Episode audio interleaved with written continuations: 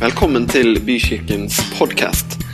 For mer informasjon om oss cvvvbykirken.no.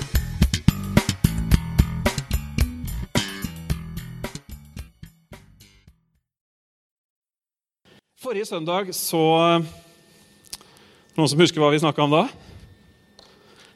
Alltid velkommen uansett. Alltid velkommen uansett snakka vi om hvordan Gud er opptatt av at alle mennesker er velkommen inn i hans rike. Absolutt alle. Og Hvis ikke du fikk med deg den, så reklamerer jeg herved for prekene, min egen preken forrige søndag. Alltid velkommen uansett. Den er faktisk verdt å høre på. Og i dag så er det neste liksom, eh, det er neste del da, i den uansett-serien. Elsket uansett. Jeg skal lese noe som står i uh, Johannes 3, 16 og 17. Og jeg vet at du har hørt det før. I hvert fall mange av dere har hørt det før. For så høyt har Gud elsket verden at han ga sin sønn den enebårne for at hver den som tror på han, ikke skal gå fortapt, men ha evig liv. Gud sendte ikke sin sønn til verden for å dømme verden, men for at verden skulle bli frelst ved ham.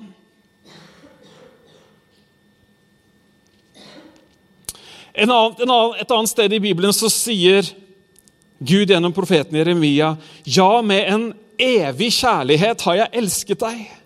Derfor har jeg latt min miskunnhet mot deg vare.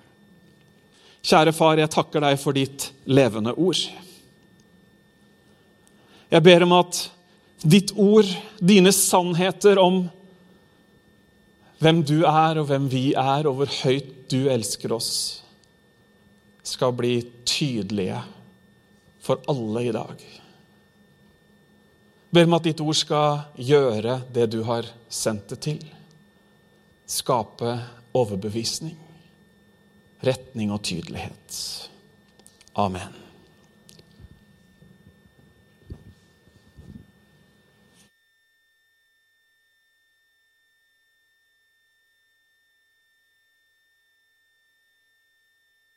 Guds kjærlighet, dere, det er en sterk kraft som evner å forvandle livene våre helt totalt når vi slipper kjærligheten til. Det er en kjærlighet som smelter det kaldeste hjertet. Og det er en kjærlighet som kan lyse opp det mørkeste sinn. Et annet sted i Bibelen så står det at Guds kjærlighet driver frykten ut. Bli i min kjærlighet, sier Jesus. Stay in. Ikke som en engangsopplevelse, en diplom man kan ha på veggen, men noe som varer, noe som alltid er der. Og I dag så har jeg lyst til å snakke om akkurat dette her, og jeg har kalt det for 'elsket uansett'.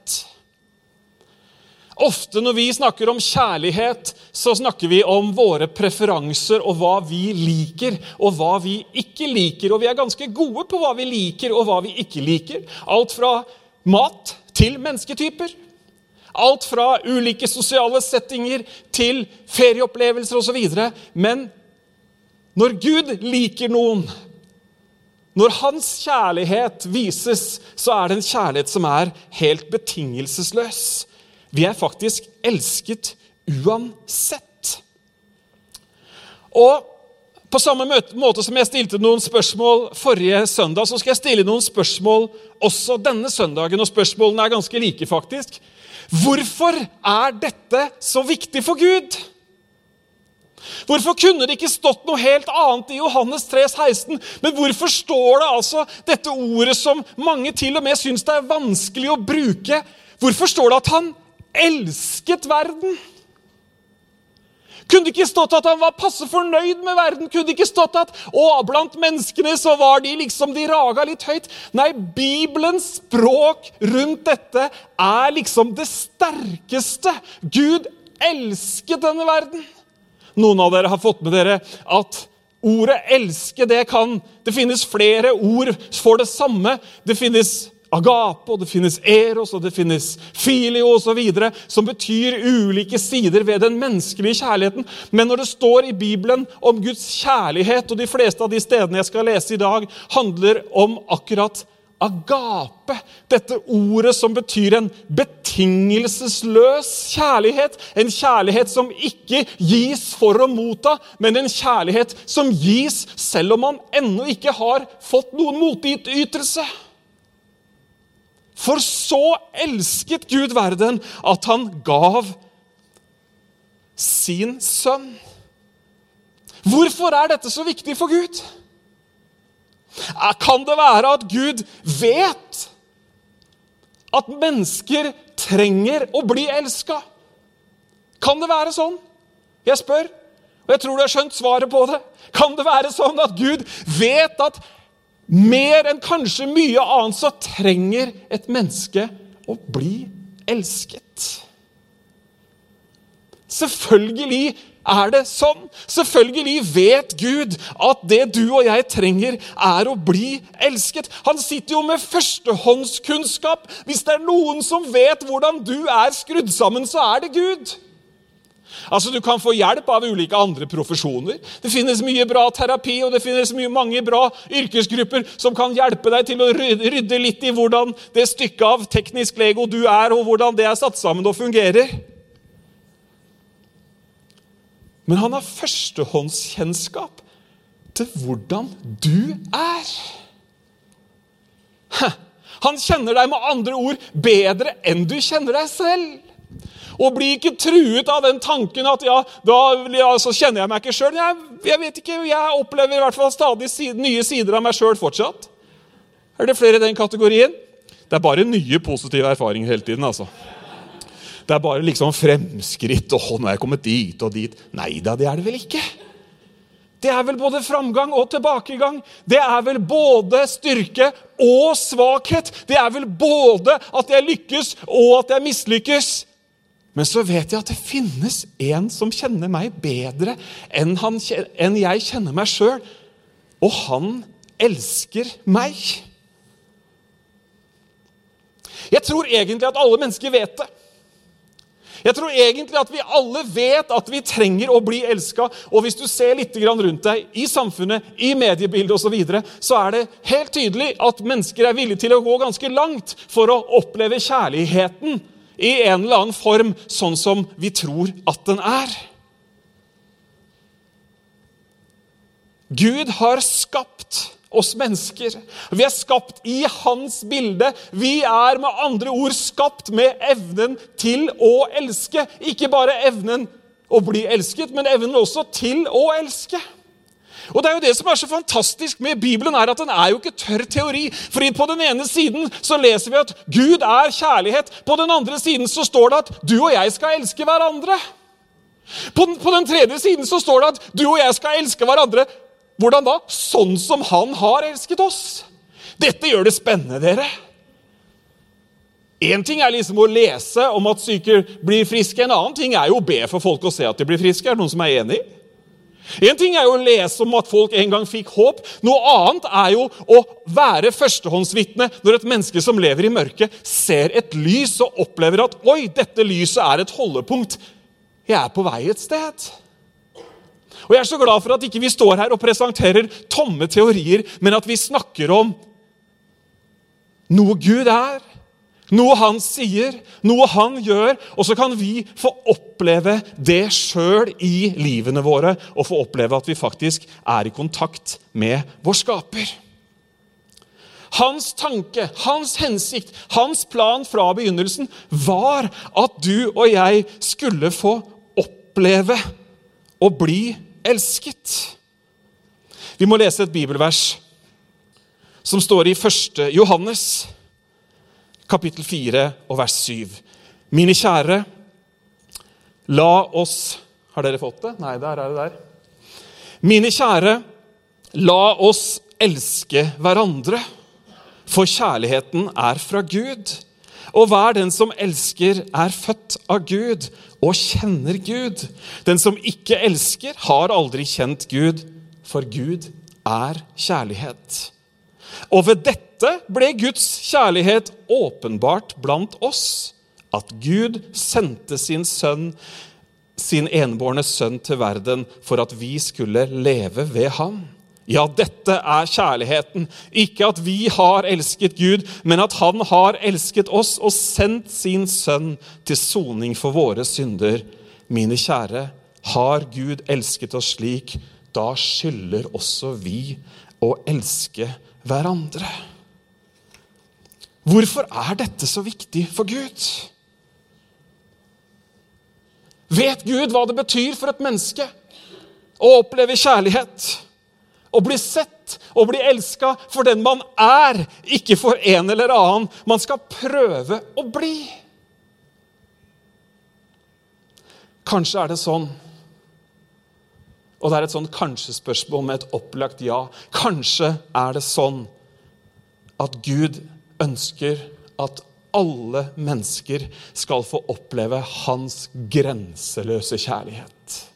Dere, Dette har vært drivkraften for sånne som oss opp gjennom alle tider. Paulus sier det i Korinterbrevet, for Kristi kjærlighet tvinger oss. Til hva da? Til å være sendebud, til å gå med dette budskapet, til å dele det med naboen osv.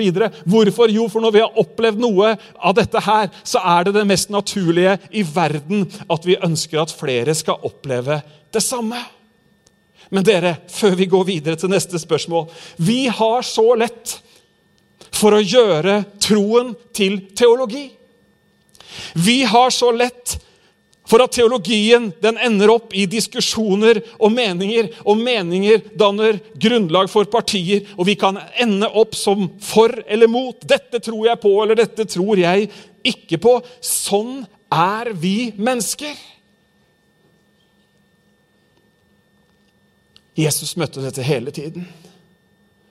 De skriftlærde kom med teologien sin. Ja, men har ikke Moses sagt? Ja, men står det ikke skrevet? Hvordan er det med dette, og hvordan er det med dette? Da kommer Jesus med en utrolig flott oppsummering. Du skal elske Herren din Gud av hele ditt hjerte og av hele din sjel og av all din forstand. Dette er det første og det største budet, men et annet er like stort. Du skal elske din neste som deg selv. Var jeg litt for rask? Der er det, vet du. Tok en dobbelttrykk. Og av hele din sjela, står det. Det er, trykk, det er trykkfeil, altså. Det står ikke det. Det var bare vestfoldsken som slo inn. Det er sjela det er snakk om, er ikke det? Elsket uansett. Hvorfor er dette så viktig for Gud? Jesus oppsummerer hele den store teologiske debatten. Han summerer loven og profetene. dere. Han tar Det gamle testamentet og så sier han, nå skal jeg fortelle dere hva dette her egentlig handler om. Er det ikke fint? Du slipper å lese hele Gamle testamentet. Du får i to setninger her. Det er lurt å lese. altså. Du får, du får litt mer kjøtt på beina. Men Jesus oppsummerer det på denne måten. Du skal elske Herren din Gud av hele ditt hjerte og av hele din sjel og all din forstand. Dette er det første og største budet, men et annet er like stort. Gud, det, Dette er viktig for Gud, først og fremst at du og jeg virkelig skal oppleve at Gud elsker oss. Men det er også veldig viktig, for det er et som er like stort. Du skal elske din neste som deg selv. En ting er å ta imot Guds kjærlighet. Men hvis du tar imot Guds kjærlighet, og den blir bare hos deg Det er forresten litt vanskelig, men noen prøver på det. Da blir du en sånn isolert troende.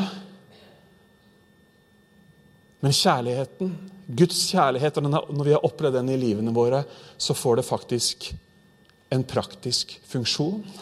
Det får et praktisk uttrykk. Vi skal elske vår neste som oss selv. Hvorfor er dette så viktig for Gud? Kan det være at, det være at han vet hva det gjør med folk? Tror dere det? Er, dere, har skjønt at det er, sånn, det er sånn veldig lette spørsmål i dag? Er, egentlig så er det ja på alle spørsmål. I hvert fall de som finnes i manuset. Så kan det hende det kommer noen sånn spontant. Men faktisk ja er svaret på alle spørsmålene. Men kan det være rett og slett at, han, at Gud vet hva dette her gjør med folk? Vet Gud hva som er effekten av at, at mennesker virkelig får oppleve hans kjærlighet? Tror du han vet det? Ja, han vet det. Og kjærligheten får også et praktisk uttrykk. Å ha fremfor alle ting inderlig kjærlighet til hverandre. For kjærligheten dekker over en mengde synder.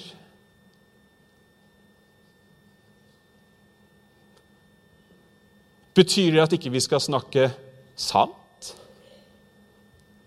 Betyr det at vi bare skal være kjærlige mot hverandre uansett, og så blir liksom all synd, alt vi har gjort galt, det blir bare dekt over? Nei, det betyr ikke det. Dette var et av nei-spørsmålene. Men hva er det som skjer når noen har gjort noe galt, eller når noen har gjort noe som egentlig krever tilgivelse? Hva skjer når den situasjonen blir møtt med kjærlighet? Tilgi hverandre slik som Faderen har tilgitt dere.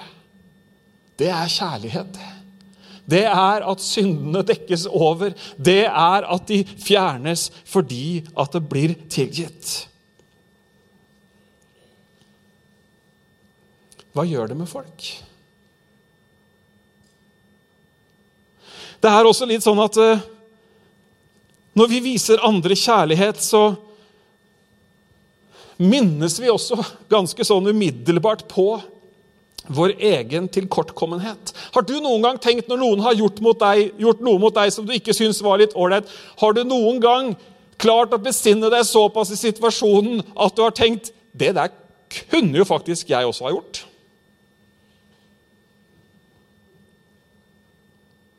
Nei, ingen har vært der. Nei, men det er fint. Det er bra, Da er det bare meg som er sånn. Jo, det hender jo at vi møter oss sjøl i døra, gjør det ikke det? Det hender at vi har liksom fortalt noen andre hvor skapet skal stå. Nå hører du at uttrykkene kommer her. Nå har vi møtt hverandre i døra. Vi har fortalt hvor skapet skal stå. Og så møter vi oss sjøl i døra, og så Oi! Jeg trenger visst også denne betingelsesløse kjærligheten. Jeg trenger også å bli møtt med et mykt hjerte og et tilgivende synd. Ikke synd, sinn. Det står i Johannes 13.: Et nytt bud gir jeg dere, at dere skal elske hverandre. Slik jeg har elsket dere, skal dere elske hverandre. Av dette skal alle forstå at dere er mine disipler, om dere har kjærlighet til hverandre.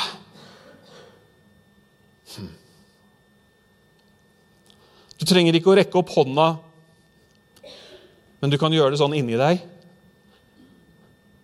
Når jeg spør spørsmålet er det noen her som syns at dette er utfordrende?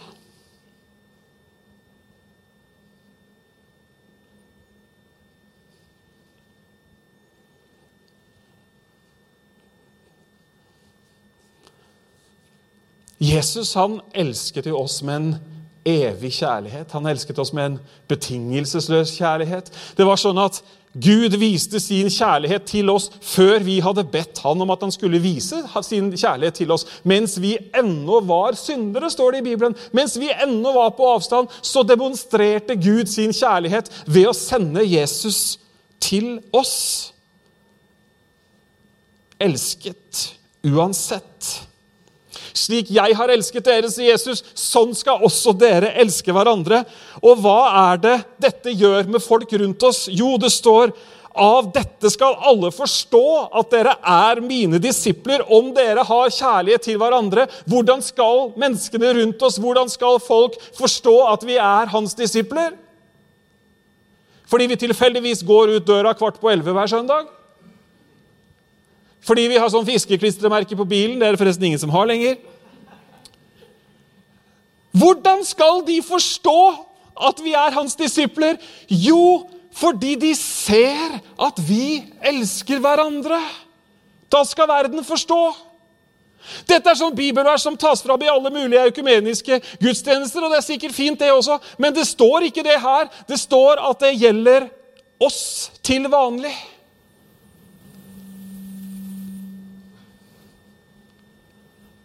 Verden skal se at dere er mine disipler når vi elsker hverandre.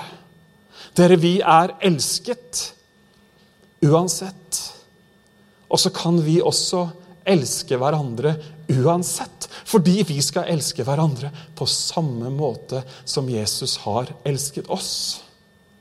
Det høres ut som et veldig ålreit fellesskap å være i, syns du ikke det? Høres ganske fint ut. Å bli elsket for den man er, ikke bare i sangen, men også i samtalen. Ikke sant?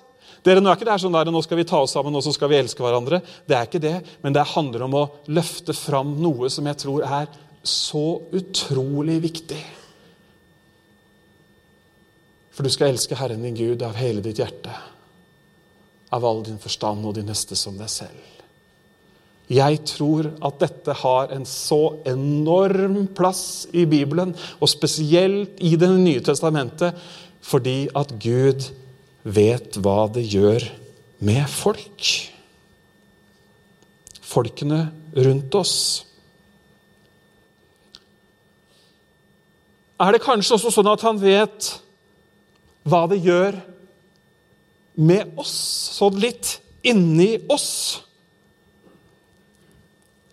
I Johannes 15 så står det Som far har elsket meg, har jeg elsket dere.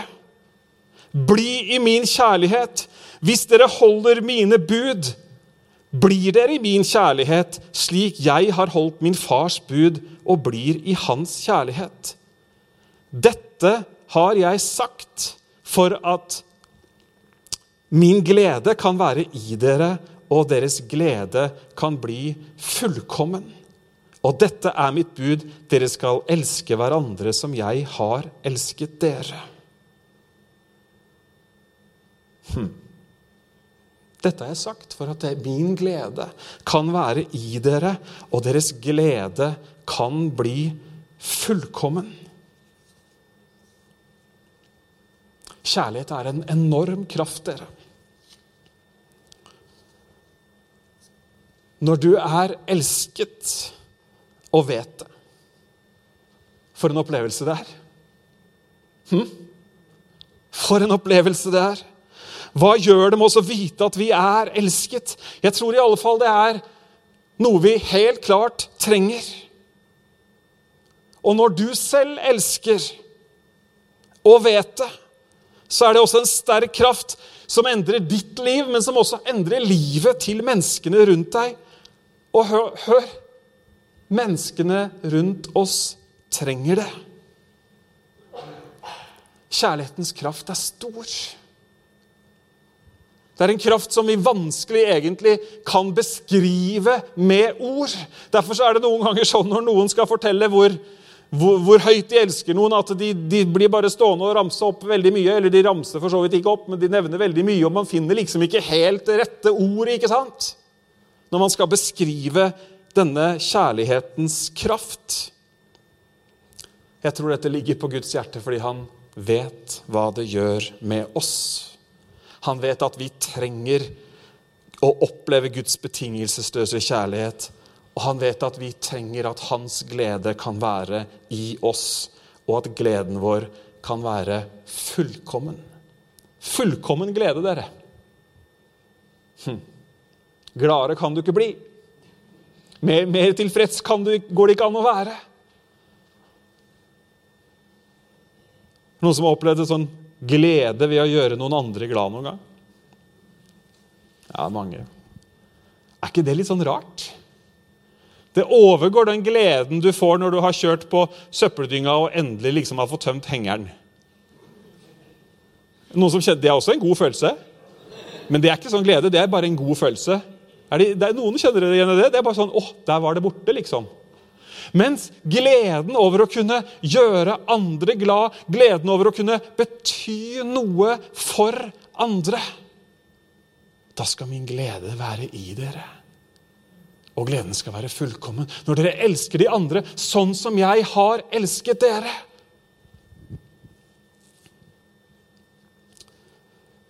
Alltid velkommen uansett. Elsket uansett.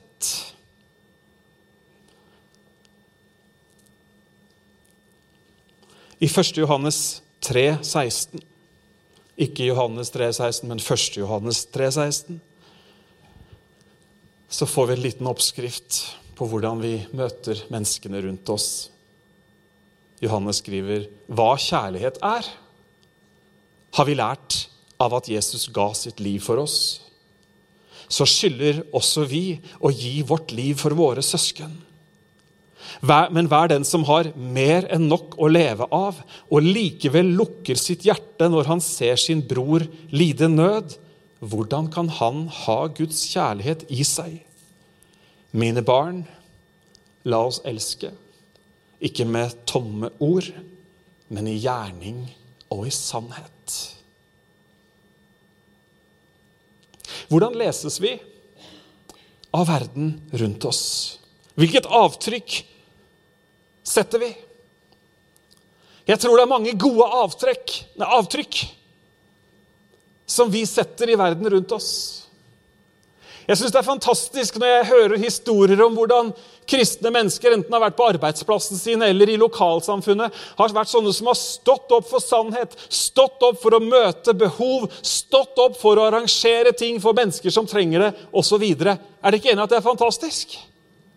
Jeg synes det er utrolig fint. Og Bibelen den har noen beskrivelser av deg og meg og hvilke avtrykk eller hvilken påvirkning om du vil, som vi har på verden rundt og blant annet så sier han at 'dere er verdens lys'. Fantastisk! En by som ligger på et fjell, kan ikke skjules. Vi lyser opp. Lyset som overvinner mørket. Vi er lys. Et annet sted så er det et annet kompliment vi får. Det står at vi er brev kjent og lest av alle.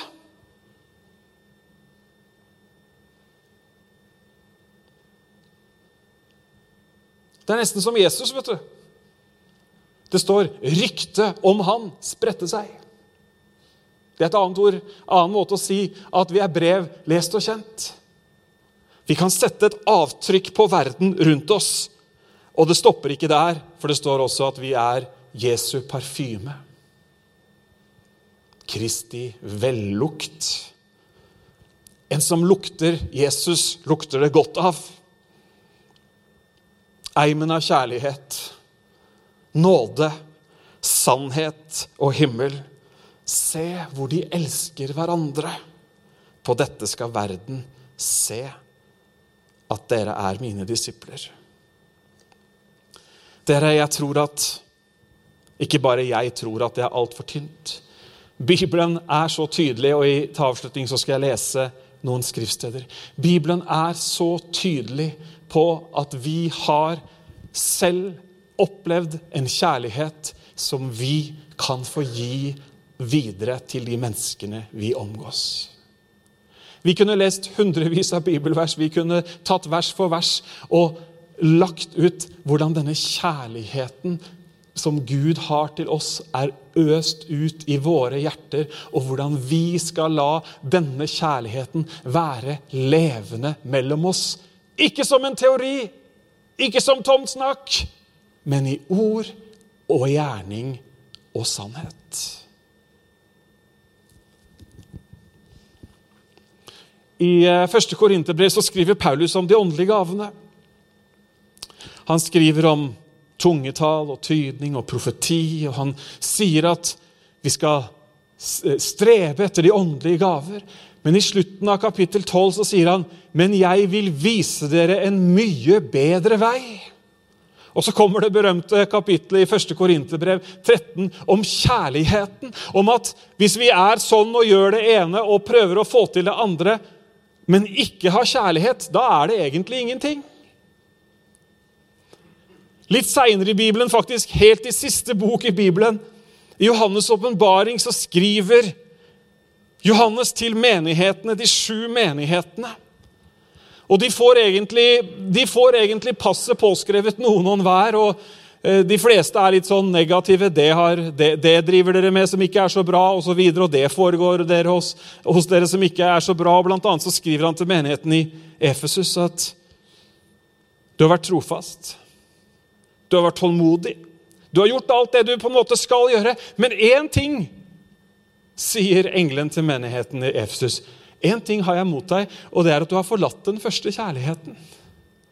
Du har gått over i et eller annet sånt gjøremodus. Du har gått over i et eller annet sånn Ja da, jeg fullfører pliktene mine-modus. Men den første kjærligheten, kjærligheten til Jesus, som også har et uttrykk i kjærligheten til våre medmennesker, det er selve livskraften, dere, i troen vår.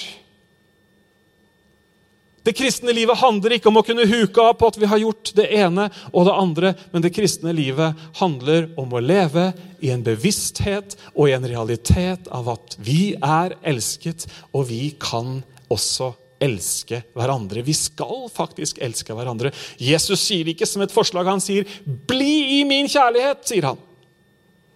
Med andre ord ikke gå på utsiden, men bli i den. Avslutningsvis så skal jeg lese noen skriftsteder før vi ber sammen. I Tessalonikerbrevet så står det Og må Herren la kjærligheten dere har til hverandre og til alle mennesker, få vokse seg rik og stor, slik som vår kjærlighet til dere. Slik skal han styrke hjertene deres, så dere står uklanderlige og hellige for vår Gud og Far når vår Herre Jesus kommer med alle sine hellige. I Efeserbrevet så står det må Kristus ved troen bo i deres hjerter, og dere stå rotfestet og grunnfestet i kjærlighet. Må dere sammen med alle de hellige bli i stand til å fatte bredden og lengden og høyden og dybden. Ja, kjenne Kristi kjærlighet som overgår all kunnskap. Må dere bli fylt av hele Guds fylde. Romerbrevet sier, men i alt dette vinner vi mer enn seier ved Han som elsket oss. For jeg er viss på at verken død eller liv, verken engler eller krefter, verken det som nå er eller det som kommer, eller noen makt, verken det som er i det høye eller i det dype, eller noen annen skapning, skal kunne skille oss fra Guds kjærlighet i Kristus Jesus, vår Herre. Amen. Ingenting kan skille deg fra Hans kjærlighet. Det kan være noen ting som prøver å skille deg fra hans kjærlighet. Det kan være tanker som gjør at du ender opp med at nei, Gud vil nok ikke ha noe med meg å gjøre, for jeg har jo endt opp der. Eller det skjedde med meg. Eller sånn endte vi. Eller dere er med på tanken. Paulus sier 'Jeg er overbevist om at ingenting kan skille et menneske fra Guds kjærlighet. Og dere, det er budskapet vårt. Hallo! Budskapet fra denne kirka ut ut til menneskene rundt oss er at det finnes ingenting som kan skille et menneske fra Guds kjærlighet, for de er elsket uansett. Tenk på alle de menneskene som Jesus møtte, og som han tok med inn i sitt rike. Til og med ved sin død på Golgata så var det en røver. Han rakk ikke å forbedre seg noe som helst. Men beskjeden var 'Du er elsket uansett'. Hva sa Jesus? Sannelig, i dag skal du være med meg til paradis. Vi har så lett for som mennesker å tenke innenfor eller utenfor. Vi har så lett for å ikke bare plassere andre utenfor eller innenfor, men vi gjør det også med oss selv. Nei, jeg vet du, jeg får ikke til dette her. Jeg har gode nyheter. Det er en annen som har fått det til for deg. Og det var midt i situasjonen hvor du ikke fikk det til, hvor jeg ikke fikk det til, at han fikk det til. Halleluja. Det er fantastisk gode nyheter. Og uansett hvor vi må, måtte befinne oss i livets hyllesystem, med ulike merkelapper Det er ingenting som kan skille deg fra Guds kjærlighet i Jesus Kristus. Fantastisk. Jeg sier ikke at ingenting har skjedd. Jeg sier ikke at ikke der livet kan være utfordrende. Det vet vi alle at det kan være. Men det er en ting som er sterkere. Det er en ting som overgår alt, og det er Guds kjærlighet. Guds kjærlighet som er utøst i våre hjerter. Han har tømt sin kjærlighet inn i oss. Kjærligheten som driver frykten ut. Det er så mange mennesker som er redde for ulike ting. Men vet du hva? Når Guds kjærlighet får fylle hjertet ditt en gang til på nytt, så er det sånn at frykten den får ikke plass. Den må vike. Det er noen her som jeg kjenner litt bedre enn jeg kjenner andre. Og noen som jeg kjenner sånn midt på treet. Og Vi kunne egentlig hatt sånn vitnemøte her nå. vet du. Noen kunne kommet fram og fortalt vet du hva, jeg har hatt sosial angst så og så lenge, men nå er det borte. Andre kunne sagt jeg var så redd for det, eller det ene eller det andre. Men så har Guds kjærlighet fått fylle mitt hjerte. Er det ikke fantastisk, dere? Jeg kjenner jeg blir så glad over at vi har et godt budskap å dele. Over at Guds kjærlighet ikke er en teori som vi kan lære om i en bok, men som er noe vi kan få oppleve i våre liv her og nå. Skal vi reise oss, og så skal vi be sammen før vi synger litt sammen helt til slutt. Og så er det sånn at jeg er ingen magiker. Det er sånn at jeg har ikke mulighet til å gå inn og gjøre omrokeringer i dine tanker. Jeg har ikke muligheten til noe som helst. Men det er sånn at det finnes én i himmelen som kan snu opp og ned på hjertene våre. Det finnes en som kan ta det harde og gjøre det mykt. Det finnes en som kan gi av sin kjærlighet på en sånn måte at frykten bare må gå.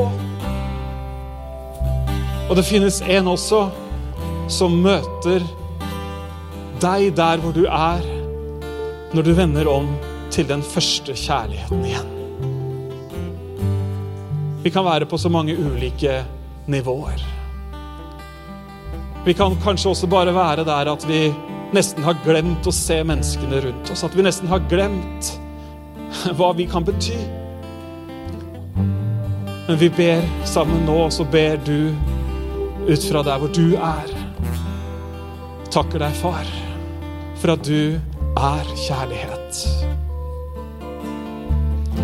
Takker deg for at du elsker alle mennesker. Så høyt elsket du verden at du gav din eneste sønn. Og far, jeg takker deg for at den kjærligheten, den har ikke tørka ut. Men fortsatt, Herre, så fyller du hjerter med din kjærlighet. Jeg ber nå, Herre, for hver og en som står her. Du vet hvor vi befinner oss, du vet hvilke ting vi baler med. Men takk for at din kjærlighet, det er den store kraften som endrer på alle ting. Fyll oss opp med din kjærlighet. Den som driver frykten ut. Den som driver fordømmelsen ut. Den som ikke har plass for utilgivelighet og bitterhet. Takk for at ikke det er noen ting som kan skille oss fra din kjærlighet. Ingenting i fortiden, ingenting i framtiden. Ingenting i det ubevisste, ingenting i det bevisste. For du fører oss fram, Herre. Du leder oss fram, Herre, seirende med deg. Ber om at du velsigner hver eneste en i Jesu mektige navn. Amen. Vi skal